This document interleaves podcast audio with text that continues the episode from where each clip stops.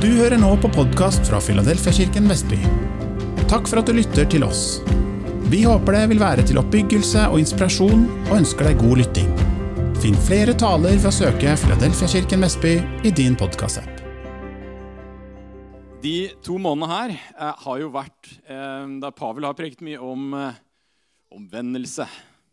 Det var liksom omvendt fra døde gjerninger, eller hva var det første var? Omvendt som livsstil, omvendt til Gud. Eh, omvendt hva nå? Eh, og, og jeg tenkte nå nå har vi pratet nok om omvendelse. Nei, jeg, så jeg tenkte at kanskje jeg skulle Så nå har, vi liksom det, nå har eh, Pavel lagt eh, Hva skal vi si eh, grunn, grunn, Grunnlaget her. Nå har vi vendt oss fra alt det mørke her. Og jeg tenkte kanskje jeg kan snakke om, om å leve rettvendt. Uh, rettvendt. Og, og tittelen på dagens preken, eh, hvis vi kan kalle det det, er 'Hvite klær og god frukt'. Hvite klær og god frukt. Eh, jeg skal snakke om å leve rettvendt. Så det er vel mange, det, Kjært barn har mange navn. Vi kan kalle det 'Det nye livet i Kristus'. Vi kan snakke om eh, livet med Gud, vandre med Gud, liv i ånden. Rettvendt. Okay? Eh, jeg, begynner med en tekst som jeg kommer til å komme tilbake til, eh, fra Johannes kapittel 15.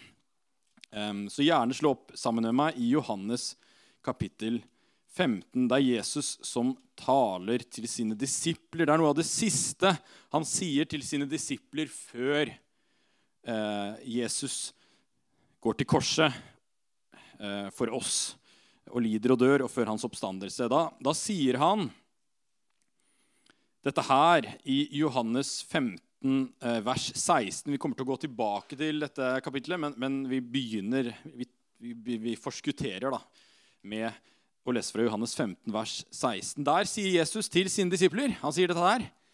Dere har ikke utvalgt meg. Nei vel?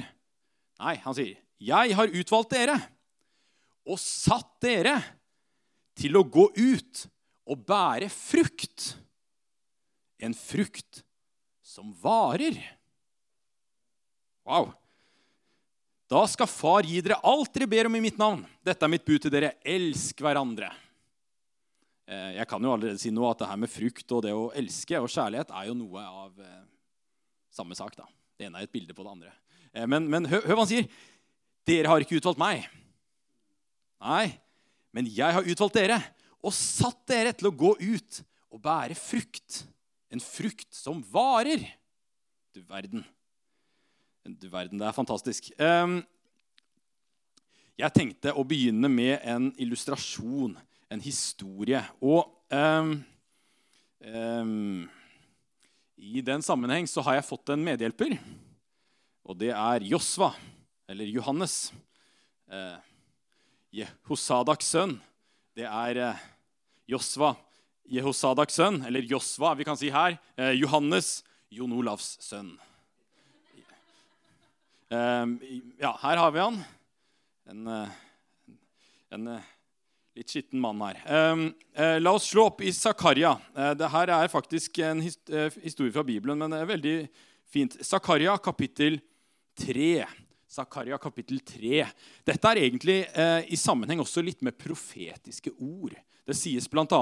i forbindelse med min tjener Spire, som skal komme. Er dere med? Så disse ordene i Det gamle testamentet eh, er faktisk ord som er relevant for oss. Eh, og det illustrerer mye av det jeg vil si.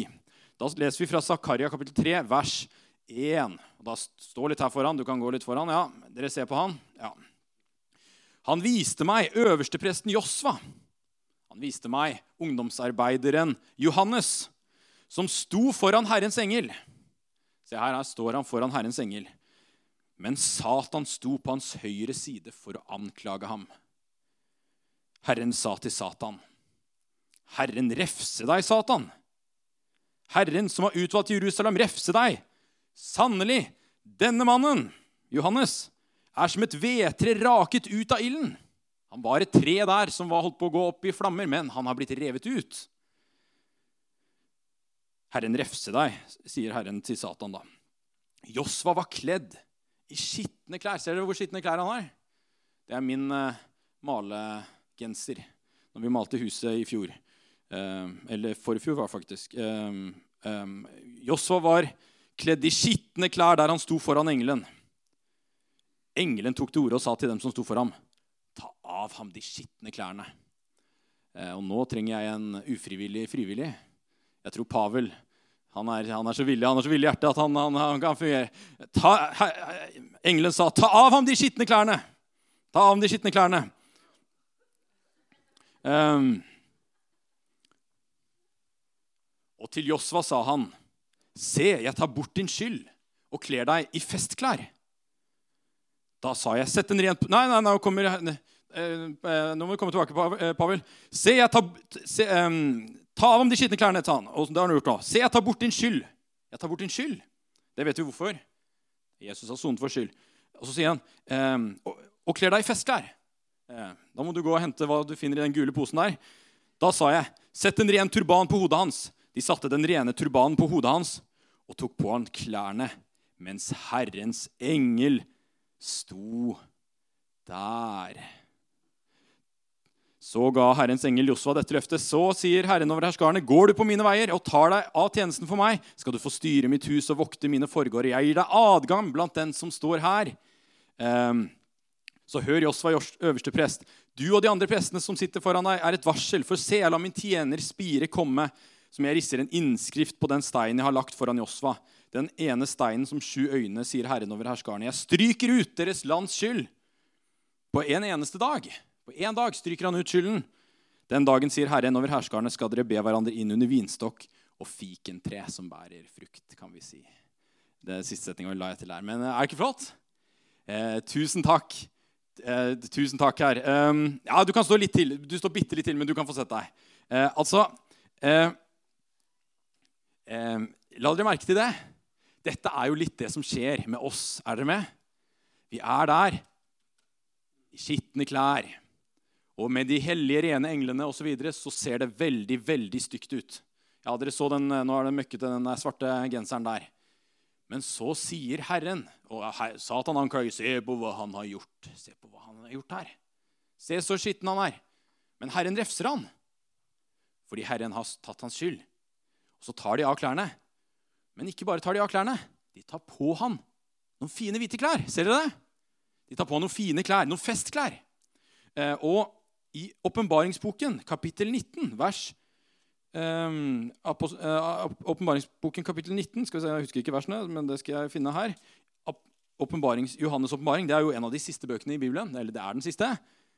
Da står det helt på slutten i kapittel 19 her om la oss glede, Nå leser jeg fra vers 7. Um, Johannes' åpenbaring 19, 7. La oss glede oss og juble og gi ham, altså Gud, æren for tiden for lammets bryllup er kommet. Lammets bryllup. Lammet, han som Johannes døperen sa, 'Se, det er Guds lam som bærer bort verdens skyld.' Som bærer bort disse skitne klærne. Og så står det Hans brud, det er kirken, det er du og meg. Det er vi som tror på Jesus, vi som er revet ut av ilden. Hans brud har gjort seg i stand, og hun har fått en drakt av skinnende, rent lin. Linet er de helliges rettferdige gjerninger. Hørte du det? Linet er de helliges rettferdige gjerninger. Så han har også pyntet bruden, den rene bruden, i gode gjerninger som skinner der når han kommer tilbake. Det er snakk om gode gjerninger. Um, ja, Du er så fin når du står der, du. Men uh, du hører på, du. Her er du kledd i kjenne, rent fin klær. Og um, Det er en historie som veldig mange av dere har hørt veldig mange ganger om den bortkomne sønn. Den bortkomne sønn det står om i Lukas kapittel 15. Og hva skjer i Lukas kapittel 15? Jo, der har vi denne sønnen som sier til sin far, 'Gi meg arven nå.' Jeg vil ha altså, da, da er det jo litt, ikke sant, Arven får man jo når faren er død. Jeg vil ha arven nå. Du er som død for meg. Jeg vil nyte godene nå, uavhengig av deg. Er du med? Alt det som han har arvet, alt, Jeg vil ha alt nå, men jeg vil ikke ha deg. Det er den bortkomne sønnen. Han sier han vil ha verdens goder. Han vil ha solskinn, han vil ha mye flott, men han vil ikke ha Gud. Og så går han bort. Ikke sant? Og han, har, han nyter verdens goder. ikke sant? Gud lar sin sol skinne over rettferdig og urettferdig. Han lar det regne over den rettferdige og urettferdige. Er du med? Det er masse masse velsignelser her i verden. Og han eh, bortkomne sønn han, han vil ha alt dette her. Og han lever. Og han har det han, eh, han, han, vil gjøre som han vil. Han vil ikke være hjemme hos sin far. Han vil, ha, han vil, gjøre som han selv vil. Så han går på sin egen vei. Og han eh, gjør en del dumme ting. Og han sløser det bort. Og til slutt så kommer han, bruker han opp alt sammen, og han begynner å få problemer i sin uavhengig. Han må jo stole på seg selv. vet du. Han har jo ikke sin uh, kloke far ved sin side. Han, han, stoler på seg selv. han. Så han går rundt der og prøver så, og tenker at det her skal jeg få til, men han får det ikke til. Han mislykkes. Og til slutt så mislykkes han totalt. Han Ja, nå Ja, for å si det sånn Han, han, han, han ender opp med sånne klær som dette her. Og ikke bare det, de lukter gris, fordi til slutt så jobber han i en grisebinge. Han er veldig, veldig, er veldig stusslig. Han jobber der i grisebingen. Det lukter gris, og han har til og med lyst til å spise grisemat. Så tenk det. Tenk at eh, eh, Hvis nøden er så stor, så tror man at grisemat kan tilfredsstille sulten. Det er jo en dårlig mat, men eh, sånn er det. Så, han har rotet seg bort da. Og da står det at han kom til seg selv. Um, Lukas 15. Um, Lukas 15. Du, kan, du, skal stå bare bitte litt til. ok? Eh, du gjør en veldig god jobb. Eh, tusen takk for eh, eh, din illustrasjon her. Hør her. her da, da, står det i Lukas 15, i vers 17, da kom han til seg selv. Noen ganger så altså Det var jo ikke Faderens vilje at han skulle komme inn i en sånt uføre. Men sånn skjer når man går sin egen vei. Så da kom han til seg selv og sa, 'Hvor mange leiekarer hvor mange engler har ikke hjemme hos min far, og de har mat i overflod, mens jeg går her og sulter Jeg vil bryte opp og gå til min far og si, 'Far, jeg har syndet mot himmelen og mot deg.' 'Jeg fortjener ikke lenger å være sønnen din.' Jeg, jeg fortjener ikke å være en sønn. Fortjener være, det fortjener jeg ikke. Men la meg få være som en leiekar. Er du med? Han kommer til seg selv. Jeg, han innser jeg fortjener ikke mye. Jeg fortjener ikke å være en sønn, i hvert fall kan jeg få hvert fall tjene, da. Det er, det som er hans holdning. Dermed brøt han opp og dro hjem til sin far. Og det er jo det omvendelse er. Da vender han om. Det er omvendelse. Det er omvendelse. Er du med? Er, og da og kom vi, da han ennå var langt borte Nå er han på vei hjemover. vet du. Da fikk faren se ham. Da fikk faren se ham, og Han fikk inderlig medfølelse med ham. Og der har vi jo faktisk faren. da. Eh, Jon Olav, nå får du gi en inderlig klem til din sønn. Det er ikke ofte du får gjøre det, men det, det kan du gjøre nå. Han fikk se ham, og han fikk, kom der med en inderlig medfølelse. Han løp sønnen i møte, kastet seg om halsen på ham og kysset ham. Sønnen sa det han, han, hadde tenkt på på forhånd her. Far, jeg har syndet mot himmelen og mot deg. Jeg fortjener ikke lenger å være sønnen din. Men faren sa til tjenerne, skynd dere, finn fram de fineste klærne Hører dere? De fineste klærne, og ta dem på ham. Gi ham ring på fingeren og sko på føttene. Og hent gjøkalven og slakt den som vil spise og holde fest, for denne sønnen min var død og har blitt levende. Han var kommet bort og er funnet igjen. Og så begynte festen og gleden. Tusen takk. Nå kan du få sette deg igjen. Stor applaus, da. eh, en ting som er verdt å merke seg med denne historien her, tror jeg, er at Husk, han, han sønnen han, han, han skjønte jo hvor ille han hadde gjort det. Så for han, når han kom tilbake til sin far, så tenkte han jeg kan være som en leiekar. Det er greit, bare du gir meg litt mat. Jeg kan være her med disse klærne her og jobbe litt i grisebingen din. jeg. Eller, nå hadde han kanskje ikke grise, men jeg kan, jeg kan ta den laveste jobben. Jeg kan, jeg kan gå her med disse klærne, jeg. For jeg er jo uverdig. Men faren virker ikke så interessert etter at han har tatt imot sin sønn, at sønnen skal gå rundt der med de skitne klærne fremdeles og lukte gris. Han er ikke så interessert i det, han. Han er så glad, han. Så ikke bare tar han imot sin hjemkomne sønn, som har vendt hjem, omvendt seg og kommet til han.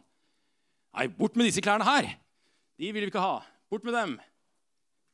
Ta på ham de fineste klærne. Hør på det her. ta på den skreddersydde dressen som jeg har laget til han.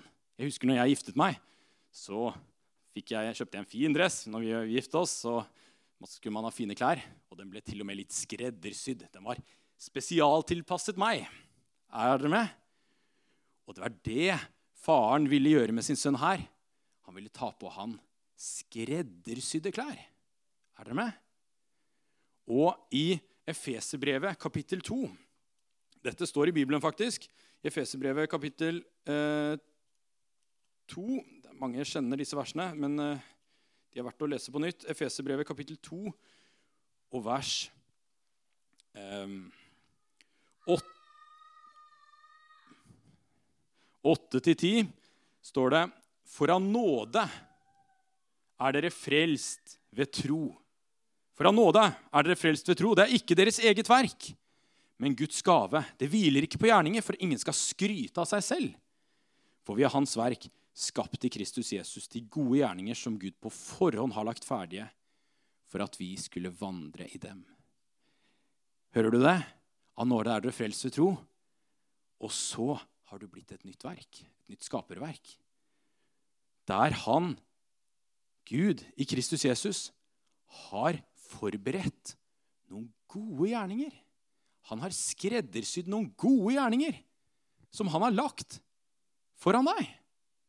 Som du kan kle deg i. I Romerne kapittel 13 vers 14 så står det 'ikle dere Kristus'. Er du med?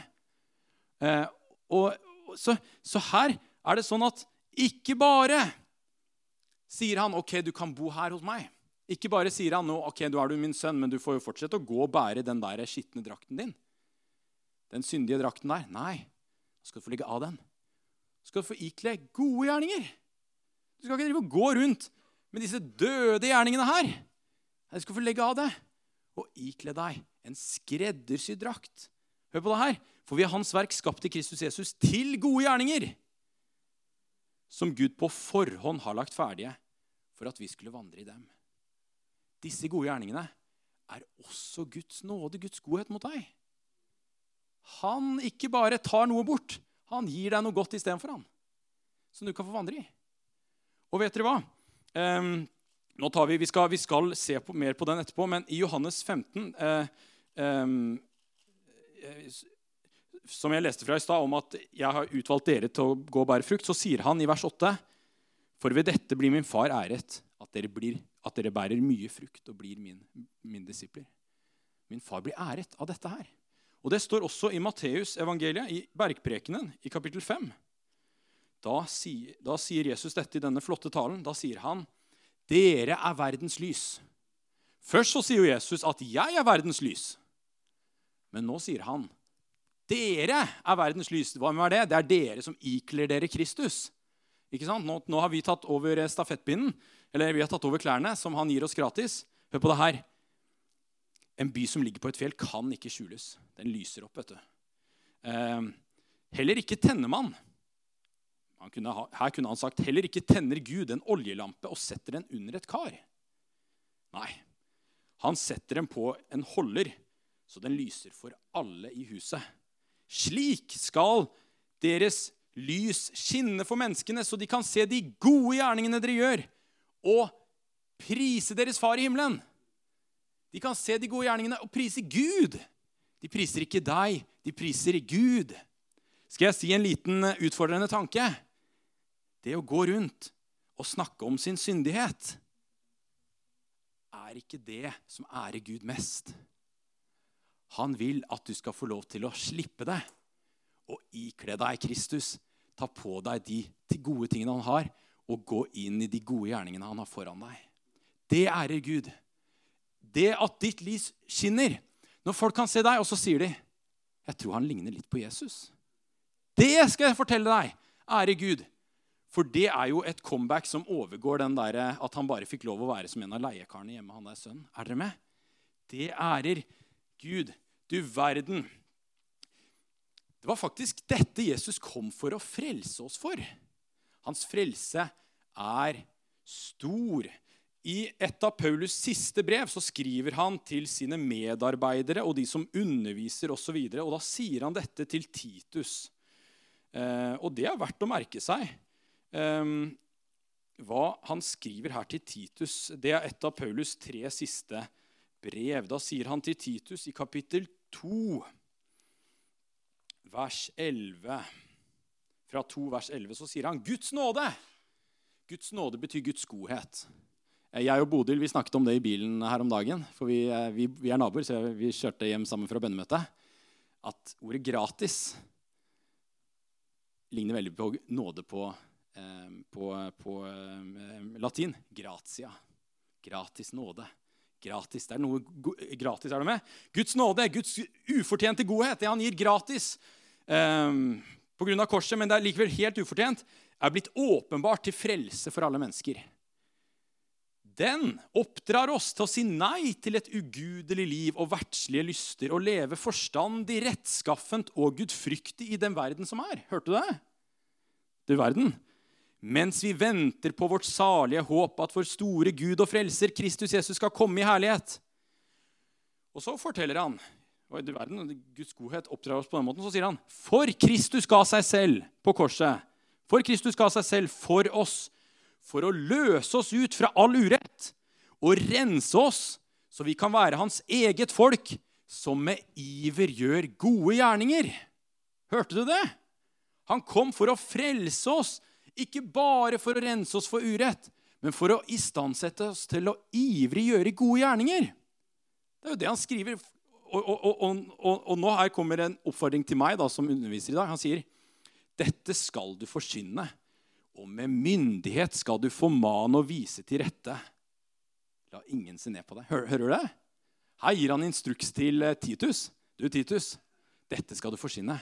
Han kom for å rive av oss disse skitne klærne og ikle oss gode klær. Og vet du hva? Guds kjærlighet kan best sammenlignes med en mors kjærlighet. Hør, hør på det jeg sier nå.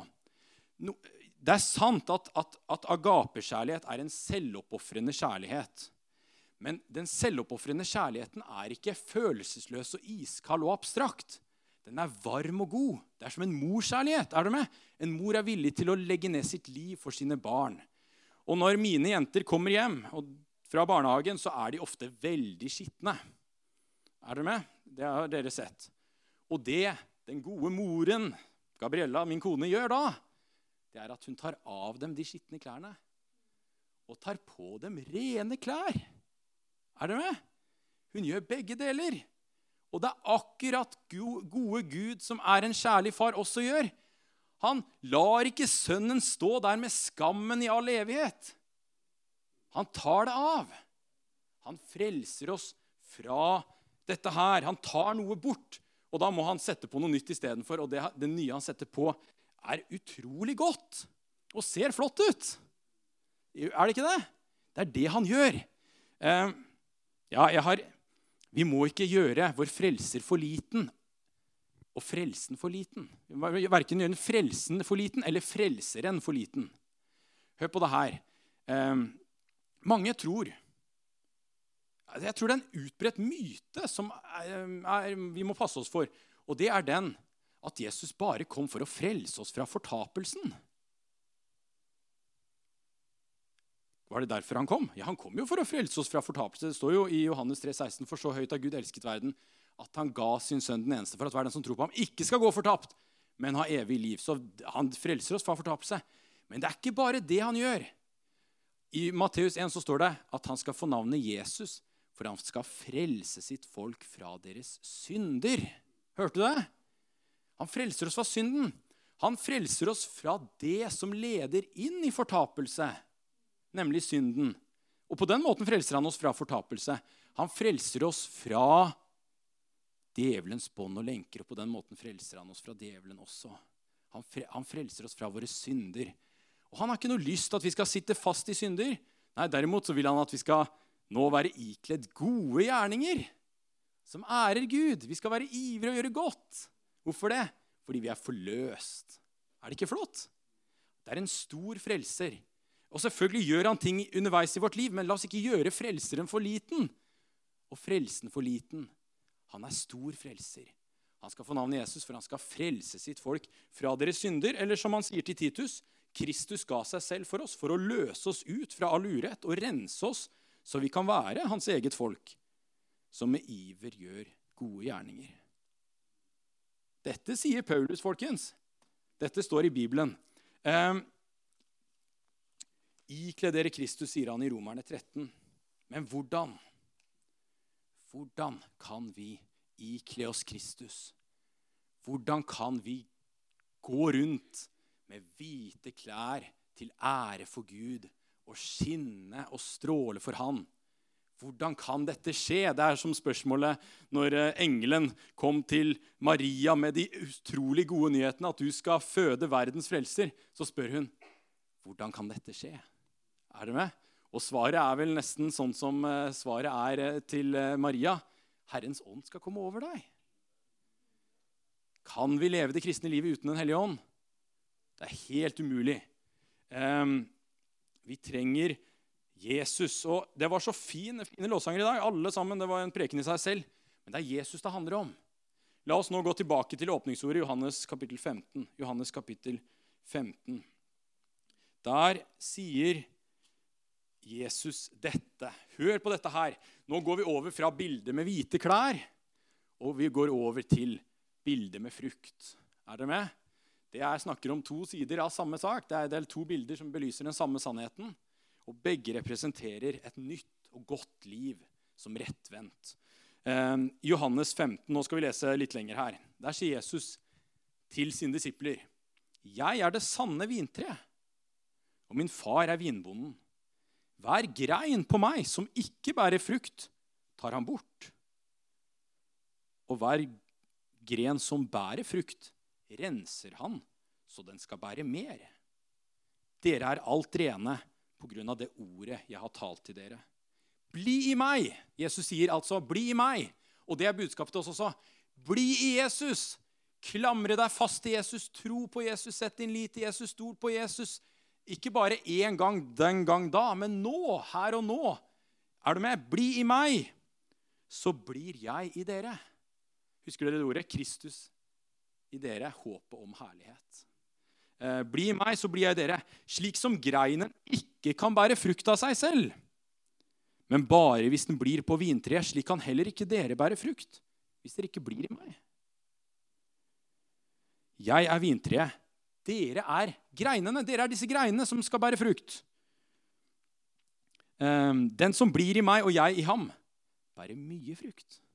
Mye frukt. For uten meg kan dere ingenting gjøre. Det må vi slå fast. Uten Jesus kan vi ingenting gjøre. Og her er det noen ganger noen folk feiler. Fordi de tror de skal selv produsere frukten. Sønnen prøver selv å skreddersy en drakt, men han er ikke noe flink til å sy. Han klarer det ikke. Han må ta imot drakten fra Faderen. Um, um, den som blir i meg, og jeg har mye frykt for uten meg kan det ingenting gjøre. Den som ikke blir i meg, den som ikke blir i Jesus, blir kastet utenfor som en gren og visner. Og greinene blir samlet sammen og kastet på ilden, og de brenner. Hvis dere blir i meg, og mine ord blir i dere, da be om hva dere vil, og dere skal få det. For ved dette blir min far æret, at dere bærer mye frukt og blir mine disipler. Hører du det? Har du lyst til å ære Gud? Du, da vær en fruktbærende kristen. Da, du, altså, da, da ærer du Gud, da. Som far har elsket meg har jeg elsket dere. Bli i min kjærlighet. Det å bli i Jesus, det å bli i Hans ord, det å bli i kjærligheten, er hva skal vi si, samme sak. Det er samme sak. Bli i min kjærlighet. Hvis dere holder mine bud, blir dere i min kjærlighet. Slik jeg har holdt min fars bud og blir i hans kjærlighet. Dette har jeg sagt dere for at min glede kan være i dere, og deres glede kan bli fullkommen. Hører du her? Han vil at vi skal være glad, fullkomment glad. Og dette er mitt bud. Dere skal elske hverandre som jeg har elsket dere. Det er åndens frukt. Vi, er her vi skal lese det etterpå. Og dette er mitt bud. Dere skal elske hverandre som jeg har elsket dere. Ingen har større kjærlighet enn den som gir sitt liv for vennene sine. Dere er mine venner hvis dere gjør det jeg befaler dere. Jeg kaller dere ikke lenger tjenere, for tjeneren vet ikke hva Herren hans gjør. Jeg kaller dere venner, for jeg har gjort, far, for jeg har gjort kjent for dere alt jeg har hørt av min far. Dere har ikke utvalgt meg, nå kommer det første verset igjen. Men jeg har utvalgt dere og satt dere til å gå ut og bære frukt, en frukt som varer. Da skal Far gi dere alt dere ber om i mitt navn. Dette er mitt bud til dere. Elsk hverandre. Hvordan er det disse greinene bærer frukt? Uten meg kan dere intet gjøre. Hvordan er det en kristen bærer åndens frukt? Det er ved Den hellige ånd. Hvis du skal prøve å presse ut frukt av deg selv uten Gud, da blir det bare kjøtt. Da blir det sitronsmak. Men la oss lese det. Galaterbrevet, Galaterbrevet eh, kapittel Galaterbrevet kapittel 5, eh, vers 22. Men åndens frukt, den frukt som kommer av ånden, den frukt som kommer fordi at du er i Jesus, og han flyter gjennom deg ved sin ånd, den ånden er kjærlighet, glede, fred, overbærenhet, vennlighet, godhet, trofasthet, mild ydmykhet og selvbeherskelse. Slike ting rammes ikke av loven. De som hører Kristus til, har korsfestet kjøttet med dets lidenskaper og begjær. Lever vi ved ånden, så er det også å vandre i ånden. Er du med? La oss vandre i ånden og bære god frukt til ære for Gud. Det er mulig ved Guds kraft. Og la meg liksom si noe med disse gode gjerningene. De gode gjerningene her er ikke bare den type at man skal holde seg unna synd. Er du med? Hellighet er ikke bare at man holder seg unna synd. Jeg holdt på å si at hellighet, selvbeherskelse, eller hva skal jeg si, sånn her, den der type renhetsidealet, da, det er jo den, på en måte den minste på kjærlighetens drueklase av åndens frukt. Ser dere? Først og fremst er det det gode, kjærlighet, glede, fred, vennlighet osv. Selvbeherskelse. Ja, selvfølgelig er det en del av det. Men det er ikke hovedsaken. Er du med? Jesus' standard er mye mer enn å holde seg ren og pynte på fasaden. Den handler om liksom godt. Barmhjertighet, trofasthet, rettferdighet osv. Det er et nytt liv i Kristus, folkens. Og Jesus sier åndens frukt er disse tingene. Og jeg har lyst til å dvele litt med, med hvordan. Hvordan kan vi gjøre dette her? Og da har jeg et ord som jeg har tenkt litt på, som er litt, et lite ordspill fra engelsk som fanger noe av det jeg prøver å si nå. Og Det er et engelsk ord som, eh, som egentlig kan oversettes med 'å gi etter', eller 'å gi'. Og det er det engelske ordet 'yield'. Y-i-e-l-d. Yield. Gi etter. Å føye seg, bøye seg. Den urettmessige herskeren Putin prøver nå å få det ukrainske folket til å yield og gi etter for hans vilje og la han få herske over dem. Er du med? Men han er en urettmessig hersker. Men han vil at folket skal yield. Gud er en rettmessig hersker. Er du med? Han er himmelens og jordens skaper. Han er herrenes herre og kongenes konge. Han, vi, vi, derimot er eh, å si, en opprørsgruppe som av en eller annen grunn har eh, funnet ut at vi vil gjøre opprør mot eh, den rettmessige, gode kongen. Men kongen er nådig. Han sier, 'Kom til meg. Du kan få legge ned våpenet. Jeg har betalt straffen. Du kan få lov å legge ned våpenet. Du kan få komme til meg. Og nå kan du bli en av mine tjenere. Nå kan du bli til og med mine venner og ha oppdrag fra meg. Og da er poenget Å gild er nemlig å gi etter for Herrens vilje. Å gi etter for Herrens ord. Å gi etter for det Gud sier til deg. Det Jesus sier til deg, det er det det er å gild. Men en som ikke tror, en som, har, en som er vantro, dvs. Si en som har mistillit og ikke stoler på den her En som ikke stoler på Gud, han vil ikke gi etter. Ah, jeg vil ikke gi deg kontrollen over mitt liv og bestemme over min tid. og sånne ting. For du vil kanskje bare gjøre meg vondt, du. Er du med? Nei, så OK, jeg kan, jeg kan, gi deg søndag formiddag, men jeg vil ikke gi deg resten av mitt liv. Er du med? Den personen holder tilbake. Og hvorfor det? Fordi den ikke tror. Det er mistillit hele veien. Det oser jo mistillit av en sånn holdning. Er du med? Nei, jeg vil ikke, deg, jeg vil ikke slippe deg til. En sånn person tror ikke. En sånn person er vantro. Er du med? Han står imot. Han, han, han gir ikke etter. Men Herren er god, han. Og han, han presser seg ikke på oss. Han inviterer. Kom. Legg ned våpnene. Kom. Legg fra deg de der. Ta på deg denne drakten. Hei, jeg har en veldig fin drakt til deg. Vil du ikke ta den på deg? Mm. Nei, gi etter. Yield. Og det morsomme med engelske ordet 'yield' er at det er også det som brukes om å bære frukt. Yield fruit. Så på engelsk så sier man både 'yield', gi etter til Herren, sånn brukes i Romerne 6 bl.a., men også gi frukt. For hemmeligheten til at du og jeg bærer god frukt, det er at vi gir etter. Er du med? Det er ikke at vi tar initiativet, det er ikke vi som utvelger og bestemmer. Men det er at vi gir etter. Ok, da, jeg tar på meg denne skreddersydde drakten du har her. Jeg tar den på meg. Du må gi etter. Du må føye deg. Du må bøye deg. Og du bøyer deg for en som er utrolig god. Han elsker deg så høyt at han tok all din synd på korset for å løse deg ut fra det. Og han elsker deg så godt at han har lyst til å ta på deg de fineste, flotteste klærne som er skreddersydd for deg. Ferdiglagte gjerninger for deg. Gi han rom. Gi etter. Yield. Det er det som er tro i sin essens. Enkel tillit. Sånn at når våre barn kommer der Så noen ganger vil jo ikke de, da. Ta av den der skitne der. Den passer jo ikke. Ta av den og ta på disse fine, denne fine kjolen. Så, så skal vi, vi, skal på fest nå, ikke sant? Vi vil ikke vil ha på den drakten full av syltetøy, ikke sant? Men, men gi etter. La han ta av den. Og gi etter. La Gud forkle deg i denne kjolen.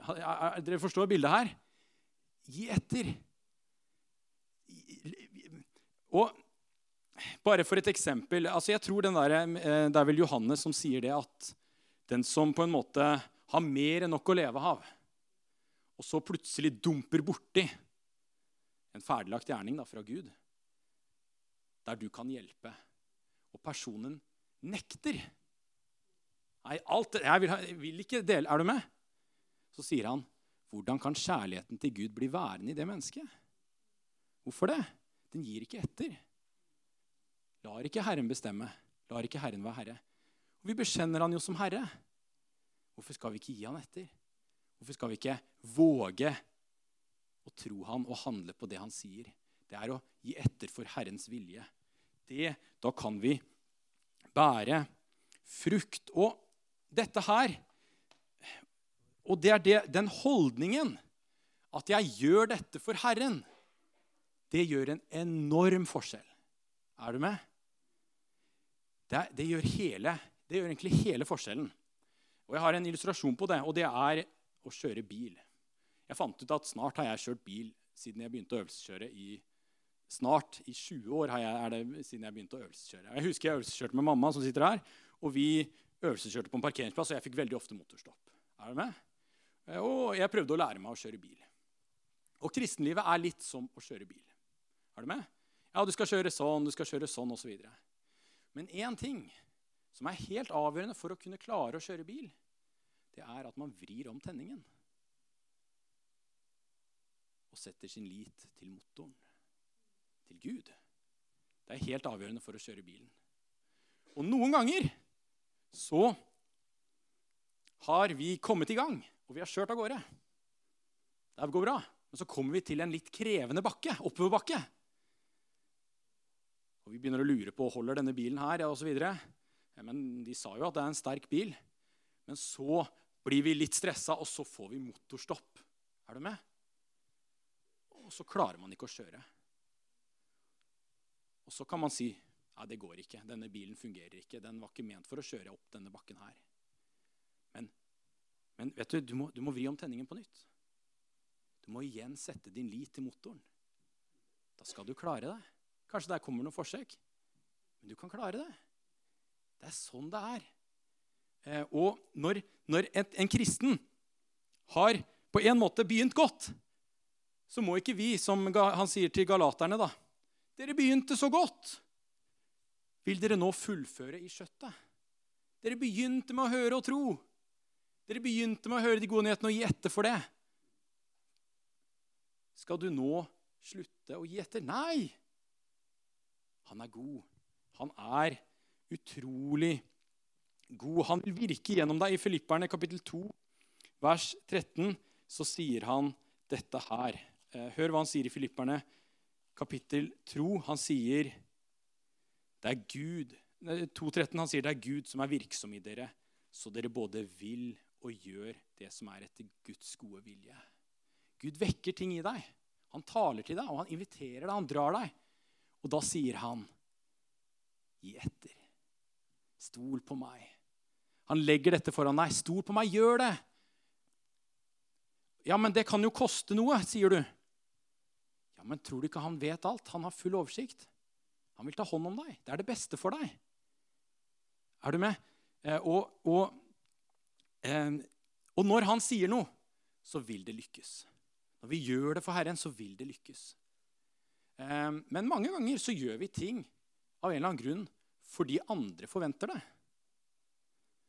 Pavel er jo i den risikoen holdt jeg på å si, som pastor at du kan ha et forventningspress for hele menigheten. Er, du med? At, det er veldig bra å spille lovsang og, og, og gå på møter, men men eh, altså, det er jo et visst forventningspress òg, er du med, hvis du plutselig ikke dukker opp. Men, men, men, holdningen til Pavel skal være 'jeg gjør det for Herren'. Er du med? Når du er mamma eller pappa, du gjør det for Herren. Når du gjør dette her, du gjør det for Herren. Du gjør det for Herren. Sånne ting er til godt behag for Herren. Hele det kristne livet er et trosliv. Det begynner ved tro, og det slutter med tro. Den rettferdige skal leve ved tro. Det er ved tro du plutselig er tilbake i Faderens hjem. Og det er ved tro at du trer inn i de gode gjerningene han har skreddersydd for deg. Eh, Herren har lyst til å virke gjennom oss. Eh, og den enkle, enkle sannheten er den at du tror enkelt, helt enkelt at du bare gjør det fordi Gud vil det. Helt enkelt i det. Du trenger ikke masse motivasjon på forhånd. Du trenger ikke masse følelser. Tro er helt enkelt et valg å gi etter og gjøre det fordi Gud har sagt det. Ikke gjør det fordi du har lyst til å opparbeide deg en fortjeneste hos Gud. Ikke gjør det fordi andre forventer det. Du gjør det helt enkelt fordi Gud har sagt det. Hvis det er holdningen din, da vandrer du i tro. Og det vil Gud rikelig velsigne. Um, ja, en historie den taler litt til meg også, men det, er i Lukas kapittel 17. For vet du hva disiplene, når de så Jesu liv, da så de wow. For et liv, så de. Og vet du hva de sa til Jesus? De sa et spørsmål jeg tror vi kan stille, de sa gi oss større tro. Men vet du hva? Jesus avviser hele greia. Har du tro som et sennepskorn, så kan du flytte et morbærtre, sier han. Og så kommer han med den merkeligste lignelsen der ikke tro nevnes i det hele tatt. Han snakker om en, tjener, en herre som har en tjener ute på marken. Og så sier han til denne tjeneren eh, Så kommer tjeneren hjem. Og så sier han, sier han til tjeneren nå bare sett deg ned og spis sammen. Nei, han vil ikke si det til tjeneren. Han sier nå må du fikse og gjøre det her, så kan du spise takker han tjeneren for at tjeneren har gjort det han var pålagt? Nei, sier han. Og hva sier tjeneren? Vi var bare unyttige tjenere. Vi bare gjorde alt vi var pålagt. Det er tro, det. Det er bare å gjøre det. Det er bare å gi etter og bøye seg, og så vil det holde. Fordi det som noen ganger skjer oss, er at vi vil ha en garanti på forhånd at det vil lykkes. Men Herrens ord er nok. Herrens ord er nok. Det er nok. Det ville jo israelsfolket ha også. når De hadde gått ut av, de hadde blitt frelst, de hadde kommet ut av Egypt, og de var i, i ørkenen. Og nå var det tid for å innta det lovede landet. Fruktbærende land. vet du, Fantastisk land. Så sa han gå.